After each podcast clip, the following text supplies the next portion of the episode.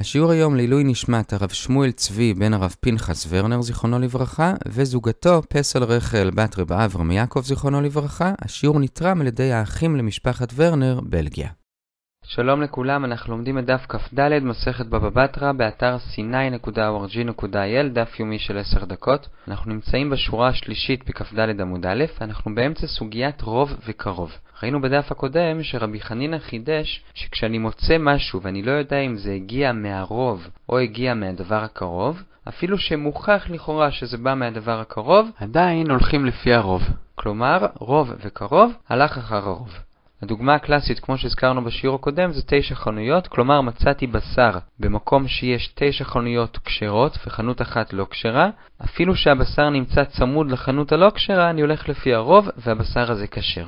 בדף הקודם הקשינו על רבי חנינא מפרשת דגלה ערופה, ומהמשנה שלנו עם גוזל שנמצא ליד שובח. בדף של היום נביא סיוע לרבי חנינא, רבא ידחה את הסיוע ויחזור בו, ואחר כך נראה מה דעת רב, שמואל, רבינה ורבא בנושא הזה. אז הסיוע הוא של אביי. אביי מביא סיוע ממבנה הרחם של אישה. מבנה הרחם שמתואר בגמרא לפי רש"י, זה שאם נסתכל על חתך של הרחם מהצד, כשהאישה פונה ימינה, אז נראה בצד שמאל את החדר הפנימי, זה נקרא המקור, דם שבא משם הטמא, בצד ימין לא נראה את הפרוזדור שמוביל החוצה לכיוון ימין, ומעל שניהם יש עלייה, ובין העלייה לבין הפרוזדור יש לול, כלומר חור קטן, שמשם גם יכול לבוא דם. דם שבא מהעלייה הוא טהור. אז אם נמצא דם בפרוזדור ליד החור של העלייה, אז זה קרוב לעלייה, לכן אם היינו הולכים לפי הקרוב זה היה טהור, אבל הדין הוא שהדם טמא, כי רוב הדמים באים מהחדר, והדם מהחדר הוא טמא, אז הנה רואים עוד פעם שרוב מול קרוב הולכים לפי הרוב. רבא התייחס לסיוע של אביי, בהתחלה הוא דחה את הסיוע ואחרי זה הוא חזר בו. למה הוא דחה את הסיוע? הוא אמר אפילו מי שיחלוק על רבי חנינא, ויאמר שבדרך כלל הולכים לפי הקרוב, כאן יודע שהולכים לפי הרוב. כי כאן זה לא סתם שיש בחדר יותר דמים מאשר בעלייה, אלא גם יותר מצוי שדם הגיע מהחדר מאשר מעלייה. אז זה גם רוב וגם מצוי, וזה לפי כולם יותר חזק מקרוב. אבל אין לנו כאן סיוע לרבי חנינא שאמר שגם רוב רגיל גובר על קרוב. אבל אחרי זה רבא חזר בו, והוא אמר שדווקא מהמשנה הזאת כן אפשר לסייע לרבי חנינא. והוא אמר שלומדים מכאן שלושה דברים, גם כמו שרבי חנינא אמר שרוב מנצח קרוב, גם כן שרוב זה אפילו מהתורה, כי הדין הזה שהאישה טמאה זה דין דאורייתא וזה טומאה ודאית, כלומר אם תיגע בתרומה ישרפו אותה, אם היא תיכנס למקדש היא תצטרך להביא קורבן. ודבר אחרון שהוא למד, אם נחזור לרגע למקרה של החנויות, יש דעה שאומרת שלא מספיק שיש פה רוב חנויות במקום, אלא צריך גם להוסיף לזה עוד רוב. שגם יש רוב בכל האזור שמוכרים בשר כשר. ויש דעה שאומרת שלא, אפילו אם דלתות המדינה סגורות, כלומר שאני יכול להתייחס רק לאותו אזור ספציפי עם התשע חנויות, התשע חנויות מספיקות לי בשביל לקבוע שהבשר הזה כשר.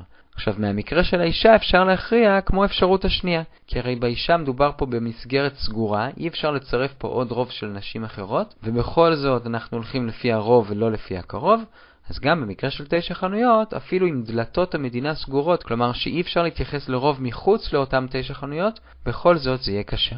אז זה רבי חנינא, רוב וקרוב הולכים לפי הרוב. עכשיו נראה מוראים שונים ונראה אם הם הסכימו לשיטה של רבי חנינא או לא. מקרה ראשון, מצאנו חבית יין בנהר, ואנחנו מתלבטים האם זה של ישראל או של גוי, אם זה של גוי זה אסור בגלל יין נסך. אז רב אומר שתלוי איפה זה נמצא. כלומר, רב אומר שהולכים לפי הקרוב. אם זה ליד עיר של ישראלים, אז אנחנו מניחים שזה של ישראל. אם זה ליד עיר של גויים, אז מניחים שזה של גויים. שמואל אומר שבכל מקרה החבית הזאת אסורה, כי הייתה עיר גדולה במעלה הנהר, ואני חושש שזה הגיע משם. כלומר, רב הולך לפי הקרוב, ושמואל הולך לפי הרוב. דוחה הגמרא לא נכון, כולם מסכימים עם רבי חנינא, כולם עקרונית הולכים לפי הרוב, וכאן מדובר במחלוקת טכנית, מחלוקת במציאות. האם סביר לומר שהחבית הזאת הצליחה להגיע מאותה עיר רחוקה עד לכאן? לפי רב זה לא סביר, לכן הולכים לפי הקרוב, ולפי שמואל זה כן סביר. ומקרה נוסף, אנחנו שמונה שורות לפני סוף עמוד א', אם מצאנו כד יין בכרם והכרם הוא של עורלה.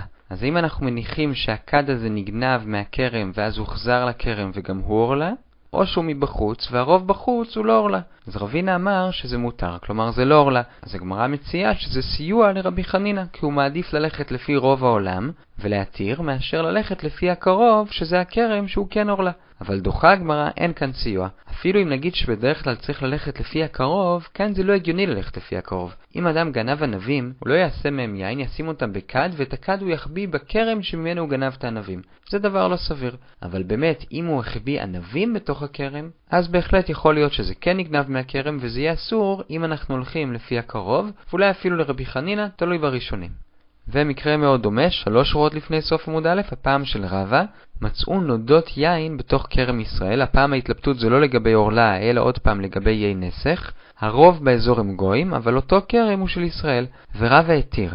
ולכאורה למה הוא התיר? הרי הרוב באזור הם גויים, אז לכאורה הוא הלך נגד רבי חנינא, כלומר הוא הלך לפי הקרוב, שזה הכרם ישראל, ולא לפי הגויים שהם הרוב. אבל דוחה הגמרא זה לא נגד רבי חנינא.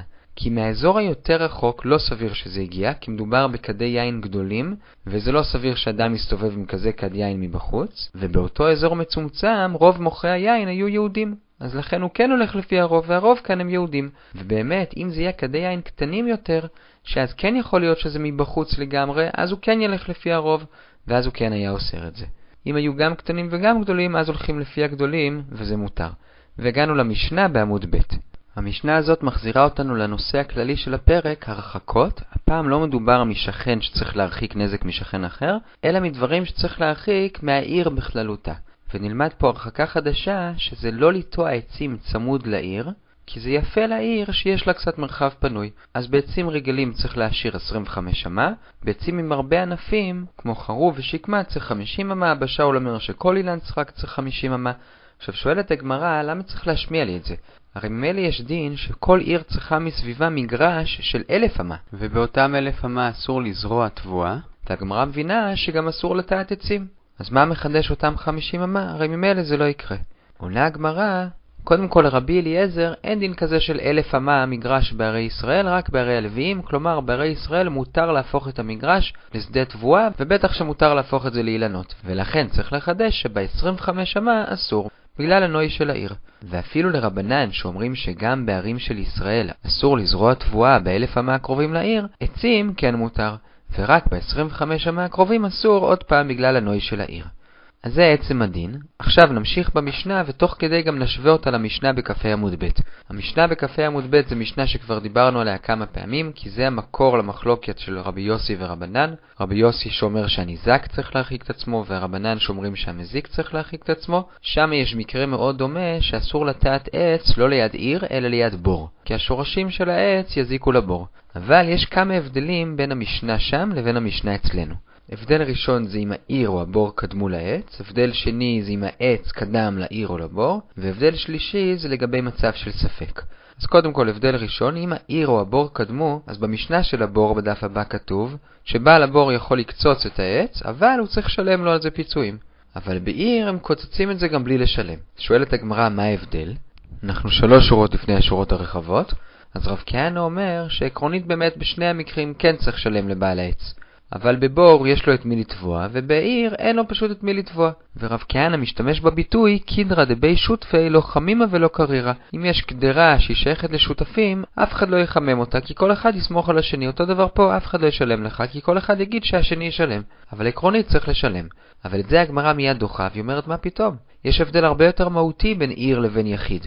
ביחיד באמת הוא צריך לשלם לך, אבל בעיר, העיר לא צריכה לשלם לך. העץ שלך מזיק לרבים, והם לא צריכים לשלם לך בשביל להוריד אותו. אז לכן הגמרא מחפשת מקרה אחר שעליו אפשר לומר שרב כהנא אמר את הביטוי הזה, קידרא דבי שותפי. אז הגמרא הולכת לדין השני, מה קורה אם העץ קדם למה שהוא מזיק אותו. כלומר, הוא קדם לבור במשנה הבאה, והוא קדם לעיר במשנה שלנו. אז הדין במשנה הבאה זה שבבור הוא לא צריך לקצוץ את העץ, כי הוא קדם, אבל בעיר הוא כן צריך לקצוץ, אבל כיוון שהוא קדם, אז כן משלמים לו. אז פה הגמרא לא שואלת מה ההבדל בין שם לפה, כי לכאורה זה כמו שאמרנו מקודם, בבור שזה מול אדם יחיד והוא קדם אז הוא לא צריך לקצוץ.